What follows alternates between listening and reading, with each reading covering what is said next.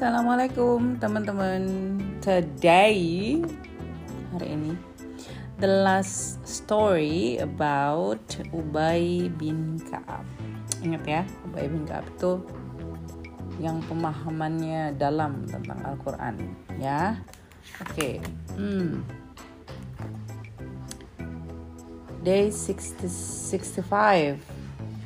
The first of the throne verse verses ya verses. It is narrated that one day the messenger of Allah asked Ubay bin Ubay ibn Ka'ab which verse of the book of Allah is the greatest? Ditanya sama dia.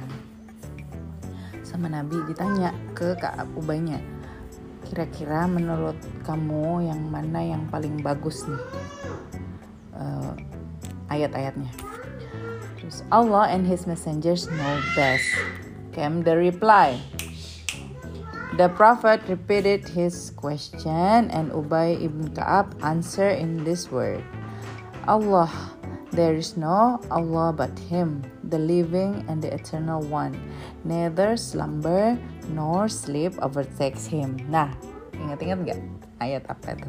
He is, His is what the heaven and earth contain.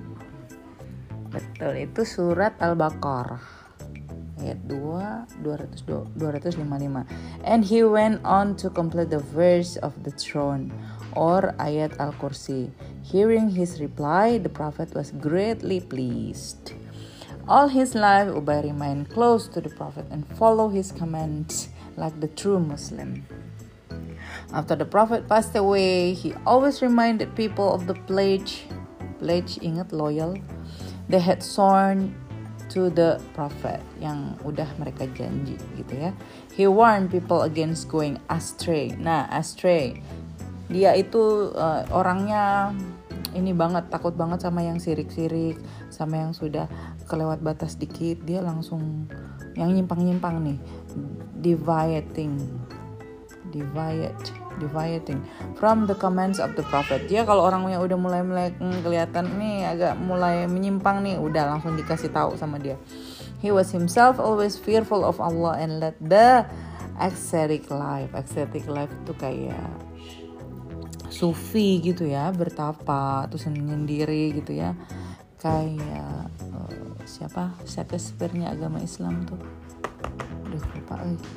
Ubay feared no one but Allah and desired nothing in life. When Islam gained more lands and influence, and he saw that Muslim were flattering their chief, nah itu ketika Islam sudah uh, habis perang terus dapat land, dapat uh, banyak pengikut, terus uh, mulai agung-agungkan uh, pemimpin-pemimpin. He warned them against doing this and said that this would ruin them. Tuh, itu dia udah warning, warning, warning tentang uh, pemimpinan tahta, tahta, hati-hati dia bilang gitu ya. Oke, okay. okay, 66 surat Al-Fatihah, surah surah Fatihah. Ubay related that the prophet once asked him, "Shall I teach you a surah the like of which has not been revealed in the Torah or Torah itu Taurat ya nor in the Injil or Zabur uh sama Nabi Muhammad dipancing nih Ubay dipancing nah orang cinta Quran dipancing kayak gimana Certainly, reply Ubay. I hope you will not leave before I tell you what it is, asked the prophet. Lovingly teasing Ubay, and prolonging his suspense. Begini. At the same time, he kept on walking as if to leave the room. Wah, ternyata Nabi Muhammad suka bercanda juga ya. Gue begini, gue begini. When the Prophet was almost at the door, Ubay, fearing that the Prophet would leave without telling him about the surah, reminded him, Messenger of Allah, you promised to tell me about the surah. In reply, the Prophet inquired, What do you recite when you stand to say your prayer? Surah Fatihah, replied Ubay. The Prophet pleased with Ubay. Overjoyed exclaimed, That is it, that is it, that is it.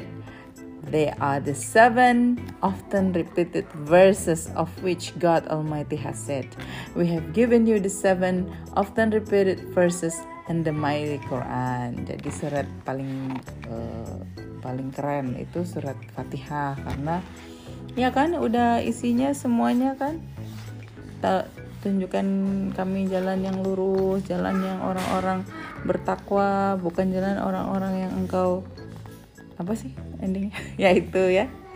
Harus dihafalin artinya juga soalnya kalau lagi sholat biar ngerti ya. Oke okay, uh, the end of the ubay. Nanti habis ini kita pindah ke the first muazin oke? Okay? see you soon. Bye